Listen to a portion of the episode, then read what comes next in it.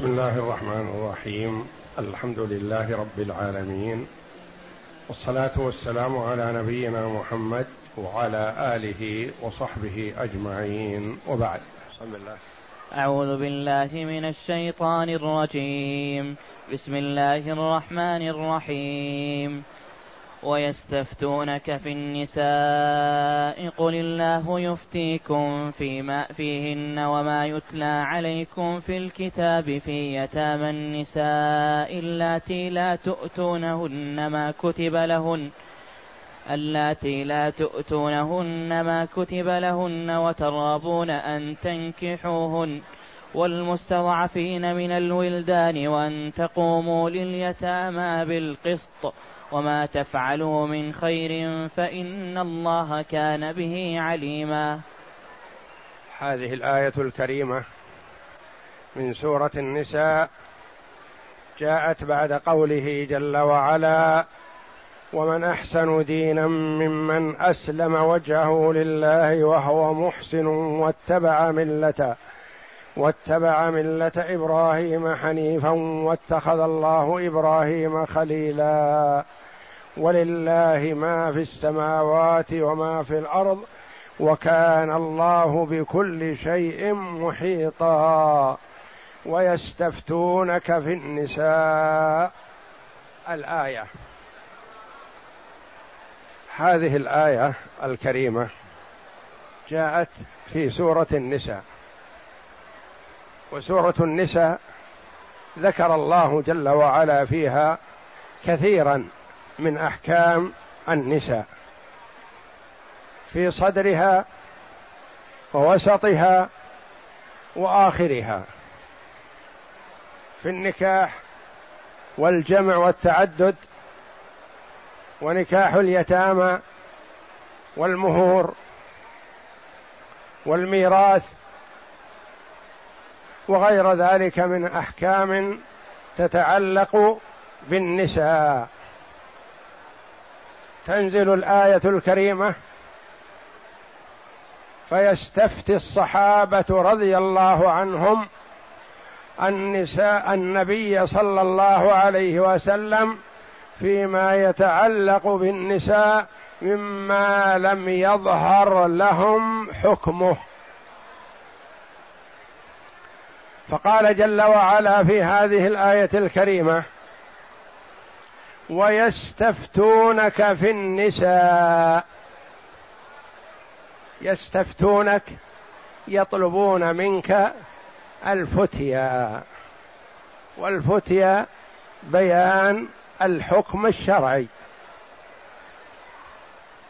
قل الله يفتيكم فيهن.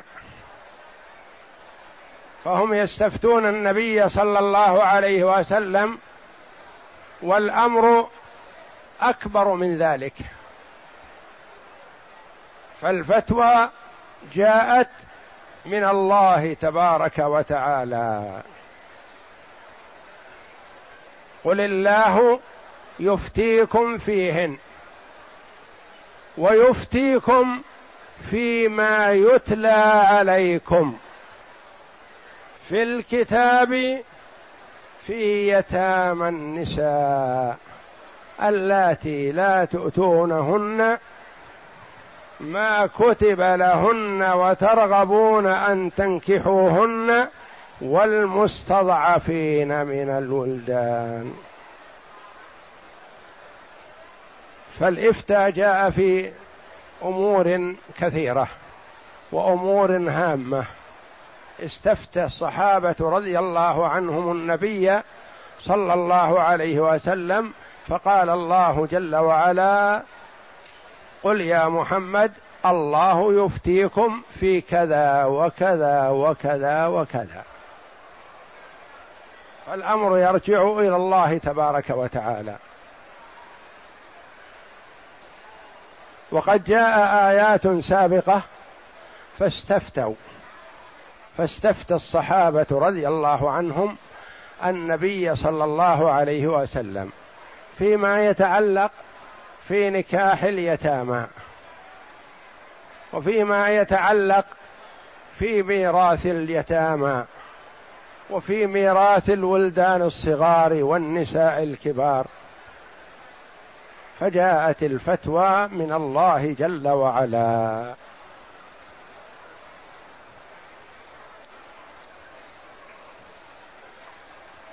أنزل الله جل وعلا في أول السورة وإن خفتم ألا تقسطوا في اليتامى فانكحوا ما طاب لكم من النساء مثنى وثلاث ورباع. فإن خفتم ألا تعدلوا فواحدة أو ما ملكت أيمانكم. ذلك أدنى ألا تعولوا. وآتوا النساء صدقاتهن نحلة. فإن طبن لكم عن شيء منه نفسا فكلوه هنيئا مريئا. بين الله جل وعلا حكم نكاح اليتامى. فاستفتوا النبي صلى الله عليه وسلم في أمور فأنزل الله هذه الآية. قل الله يفتيكم فيهن وما يتلى عليكم من الكتاب. الآيات السابقة يبينها لكم جل وعلا. في يتامى النساء اللاتي لا تؤتونهن ما كتب لهن تبخسونهن كما سيأتي. وترغبون أن تنكحوهن. بلاغة القرآن؟ وترغبون عن أن تنكحوهن وترغبون في أن تنكحونهن. يصح كذا ويصح كذا. وترغبون أن تنكحوهن يعني وترغبون في أن تنكحونهن. وترغبون أن تنكحوهن يعني وترغبون عن أن تنكحوهن ترغبون عن نكاحهن.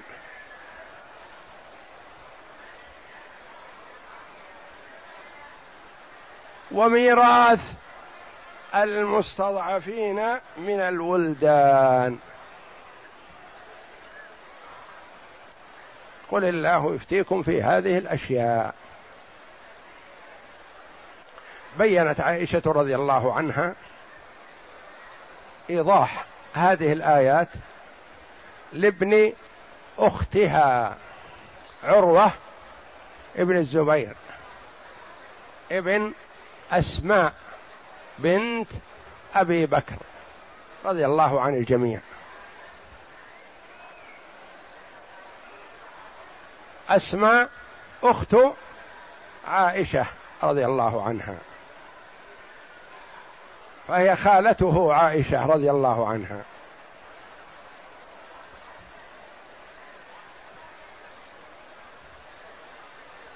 تقول كان الرجل يكون عنده اليتيمة يصح أن يتزوجها. هي ابنة عمه مثلا يصح أن يتزوجها. وتكون شريكته في ماله. ربما يكون العذق بينهما تشركه في العذق يعني في العذق من النخل. فيرغب في نكاحها فلا يعطيها المهر الذي تستحق. يتزوجها فلا يعطيها المهر الذي تستحق. فيبخسها حقها. وفي هذا ظلم. والله جل وعلا يحذر عباده من الظلم. إن الذين يأكلون أموال اليتامى ظلما إنما يأكلون في بطونهم نارا وسيصلون سعيرا.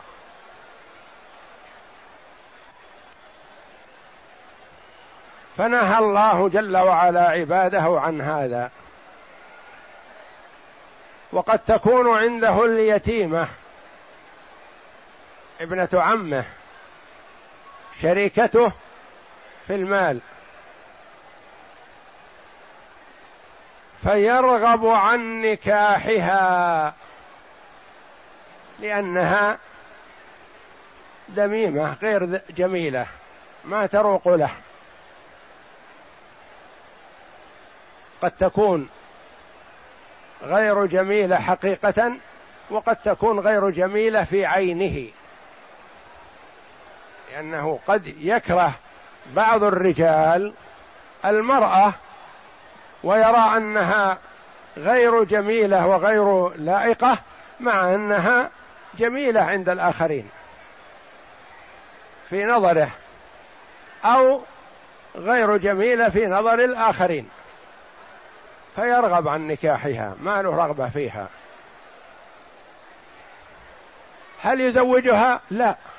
لأنه إذا زوجها دخل رجل أجنبي عليه في ماله لأنها شريكته.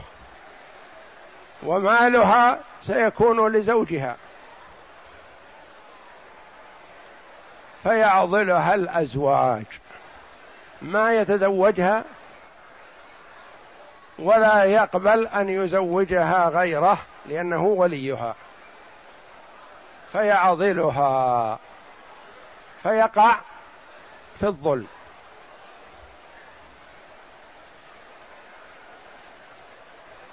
وهو معنى قوله جل وعلا وإن خفتم ألا تقسطوا في اليتامى فانكحوا ما طاب لكم من النساء مثنى وثلاث ورباع. لا تنكح اليتيمة تبخسها حقها لأنك لك اليد عليها ومن فوقها. هي ابنة عمك وهي في حجرك وعندك.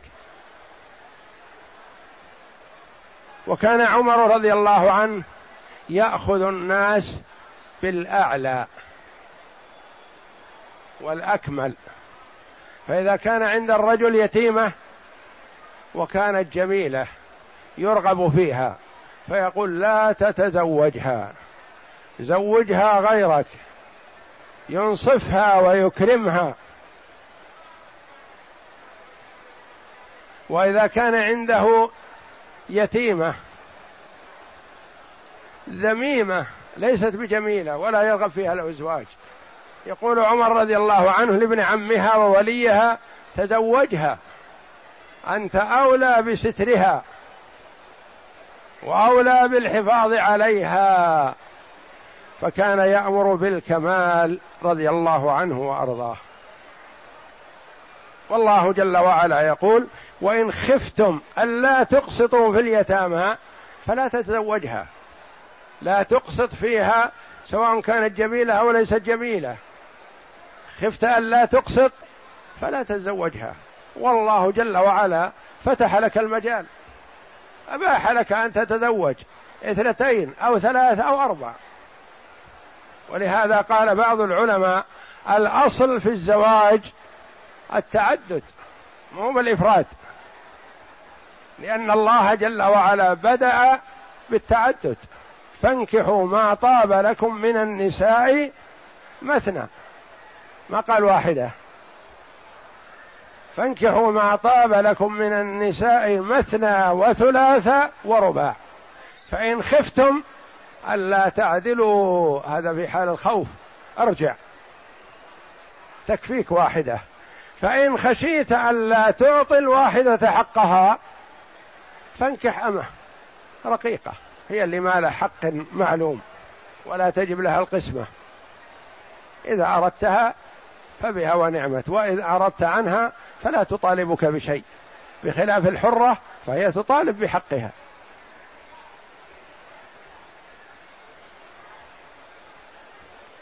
فاستفتى الصحابة رضي الله عنهم النبي صلى الله عليه وسلم في هذه الآية ماذا يعملون مع اليتامى جميلة أو ذميمة؟ فأنزل الله جل وعلا هذه الآية. ويستفتونك. في النساء قل الله يفتيكم فيهن. وما يتلى عليكم في الكتاب في يتامى النساء اللاتي لا تؤتونهن ما كتب لهن وترغبون أن تنكحوهن. قل الله يفتيكم في هذا في النساء التي اللاتي لا تؤتونهن ما كتب لهن. تكون جميلة ويرغب فيها لكنه يبخسها في المهر. تستحق مهر أكثر.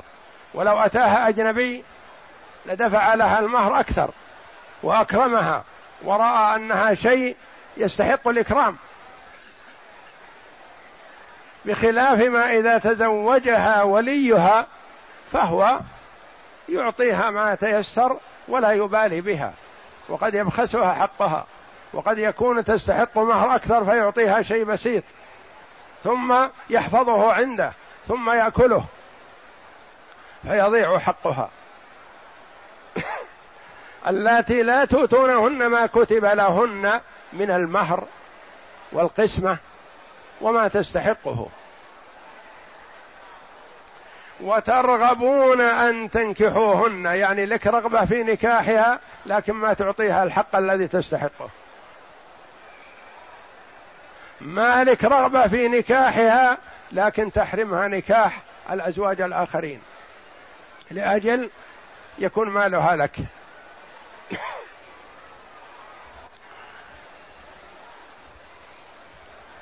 والمستضعفين من الولدان. لما نزلت آيات المواريث يوصيكم الله في أولادكم للذكر مثل حظ الأنثيين. الذكر وإن كان ابن يوم. خرج حيا له ميراث. ما دام جنين فهو موقوف نصيبه. كما عرفنا في الفرائض. وإذا خرج حيا فيعطى نصيبه. ابن يوم. البنت كذلك. كلهم لهم نصيبهم. يوصيكم الله في أولادكم للذكر مثل حظ الأنثيين.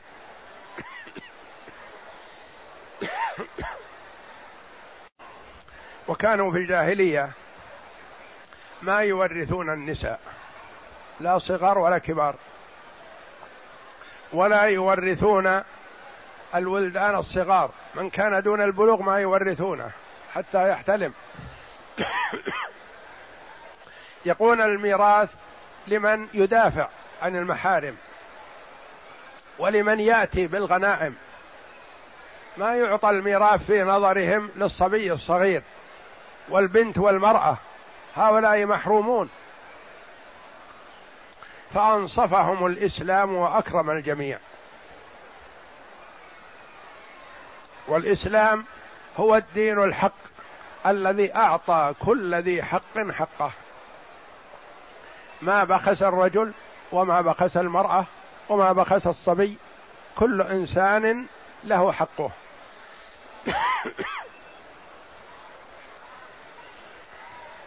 واكرام الإسلام للمرأة فوق كل منهج.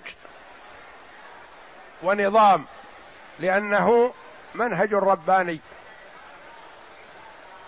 والذين يدندنون ويتكلمون في أن الإسلام بخس المرأة حقها كذبوا والله وإنما أكرمها وإنما هم يريدون المرأة سلعة مبتذلة تجوب الأسواق وتعمل في المصانع وتعمل في الحرف كلها وهذا امتهان لها واحتقار.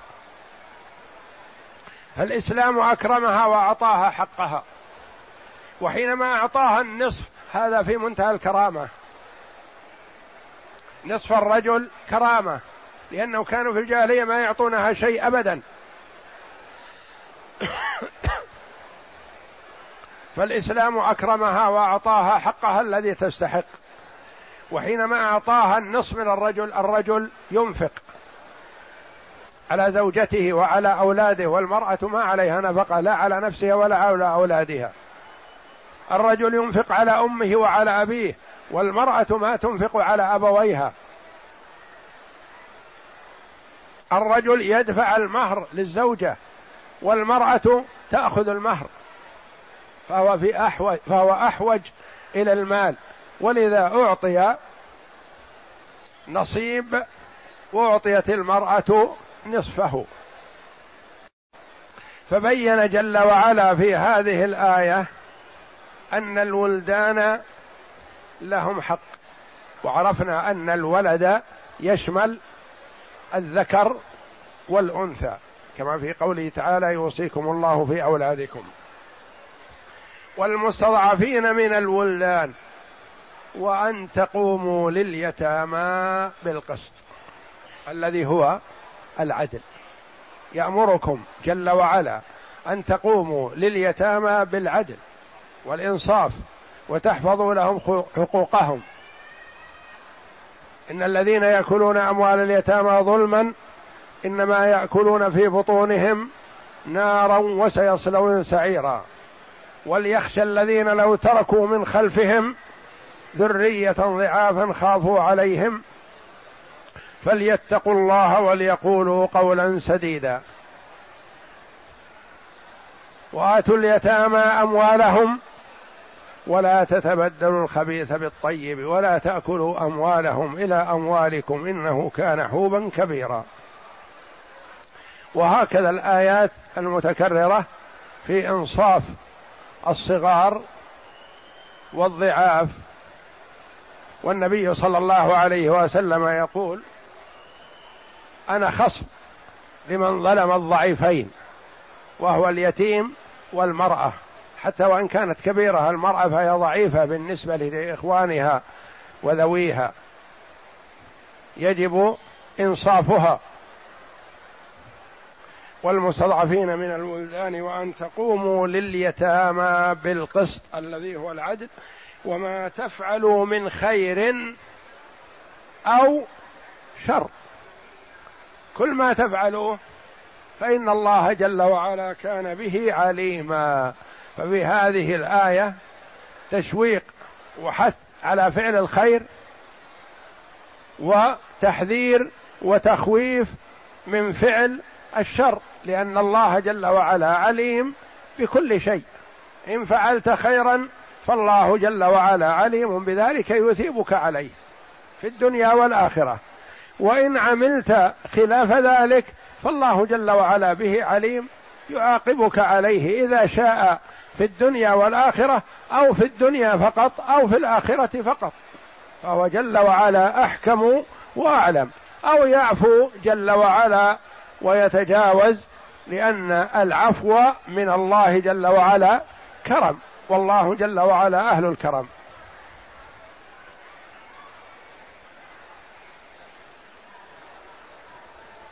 فيحذر جل وعلا عباده من ظلم النساء واليتامى خاصة وأن مهر اليتيمة لها وليس لوليها وأنها أحق بنفسها ولا تزوج إلا بإذنها وموافقتها ورضاها ولا يجوز أن تجبر على من لا ترضى.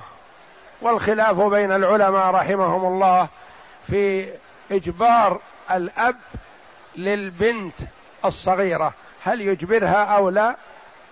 قولان للعلماء رحمهم الله. قال بعضهم له أن يجبرها لأنه أدرى بمصالحها وهو أعرف وله أن يجبرها وما عنده لها من الرحمة والرأفة يمنعانه من أن يظلمها. بخلاف غير الأب فإنه لا يجبر الصغيرة ولا الكبيرة وليس له حق الإجبار. اقرأ.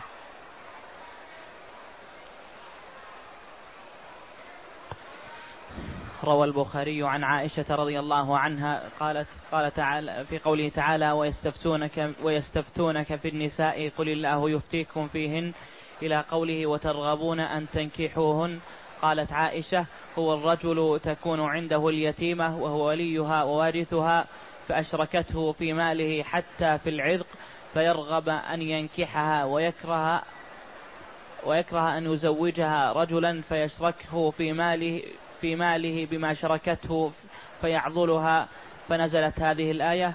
يعضلها فلا يتزوجها هو ولا يزوجها غير خشية أن يشركه في ماله. نعم. وقال ابن أبي حاتم عن ابن شهاب أخبرني عروة بن الزبير قالت عائشة والعضل هو المنع منع المرأة من الزواج.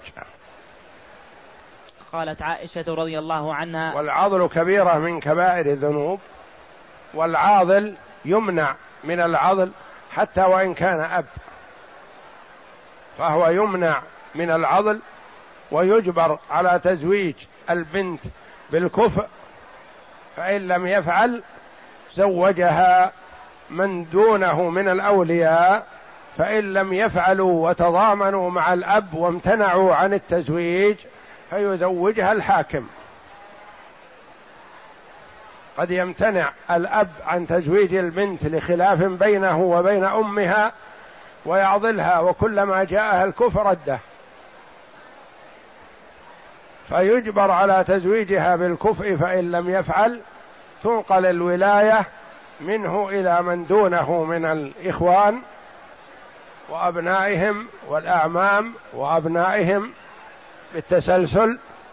فإن لم يفعلوا وقد يوجد يتضامنون مع الأب ويرفضون تزويج البنت فيزوجها الحاكم الشرعي القاضي يزوجها بالرجل الكفء ولا يرجع للأب إذا امتنع نعم.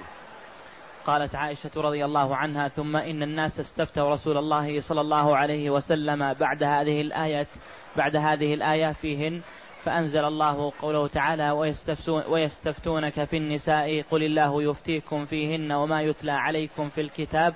الآية قالت والذي ذكر الله أنه يتلى عليه في الكتاب. الآية الأولى التي قال تعالى وإن خفتم ألا تقسطوا في اليتامى فانكحوا ما طاب لكم من النساء. وبهذا الإسناد عن عائشة رضي الله عنها قالت وقول الله عز وجل لعل المراد وما يتلى عليكم في الكتاب يعني الآية التي قبل هذا وإن خفتم ألا تقسطوا في اليتامى فانكحوا ما طاب لكم من النساء مثنى وثلاث ورباع الآية. نعم. وقول الله عز وجل وترغبون أن تنكحوهن رغبة أحد رغبة أحدكم عن أن, ينك أن عن يتيمته التي تكون في حجره حين تكون قليلة المال والجمال فنهوا أن ينكحوا من رغبوا في مالها وجمالها من من يتامى النساء إلا بالقسط من أجل رغبة رغبتهم رغبتهم عنهم عنهن. والمقصود أن الرجل إذا كان في حجره يتيمة يحل له تزويجها فتارة يرغب في أن يتزوجها فأمره الله أن يمهرها أسوة أمثالها من النساء. فإن لم يفعل فليعدل إلى غيرها من النساء. فقد وسع الله عز وجل وهذا المعنى في الآية الأولى التي في أول السورة وتارة لا يكون له فيها رغبة لدمامتها عنده أو في نفس الأمر. فنهى فنهاه الله عز وجل أن يعضلها, يعضلها عن الأزواج خشية أن يشركوه في ماله الذي بينه وبينها, وبينها. كما قال علي بن أبي طلحة عن ابن عباس رضي الله عنهما في الآية وهي قوله تعالى في يتامى النساء كان الرجل في الجاهلية تكون عنده اليتيمة فيلقي عليها ثوبه فإذا فعل ذلك لم يقدر أحد أن يتزوجها أبدا. فإن كان فإن كانت فإن كانت جميلة وهو, وهو يهواها تزوجها وأكل مالها. وإن كانت دميمة منعها الرجال منعها الرجال أبدا حتى تموت. فإذا ماتت ورثها فحرم الله ذلك ونهى عنه. وقال ابن عباس والمستضعفين من الولدان كانوا في الجاهلية لا يورثون الصغار ولا البنات ولا البنات وذلك قوله تعالى لا, لا, تؤتونهن ما كتب الله وتؤتونهن ما كتب لهن فنهى الله عن كل كل ذي سهم سهمة فقال للذكر مثل حظ الأنثيين صغيرا أو كبيرا وقال سعيد بن جبير وأن تقوموا لليتامى بالقسط كما إذا كانت ذات جمال ومال نكحها واستأثرت بها. كذلك إذا لم تكن ذات مال ولا جمال فانكحها واستأثر بها. وقوله وما تفعلوا من خير فإن الله كان به عليما. تهييجا على فعل الخيرات وامتثال للأوامر وأن الله عز وجل عالم بجميع ذلك وسيجزي عليه أوفر الجزاء. والله أعلم. وصلى الله وسلم وبارك على عبده ورسوله نبينا محمد وعلى آله وصحبه أجمعين.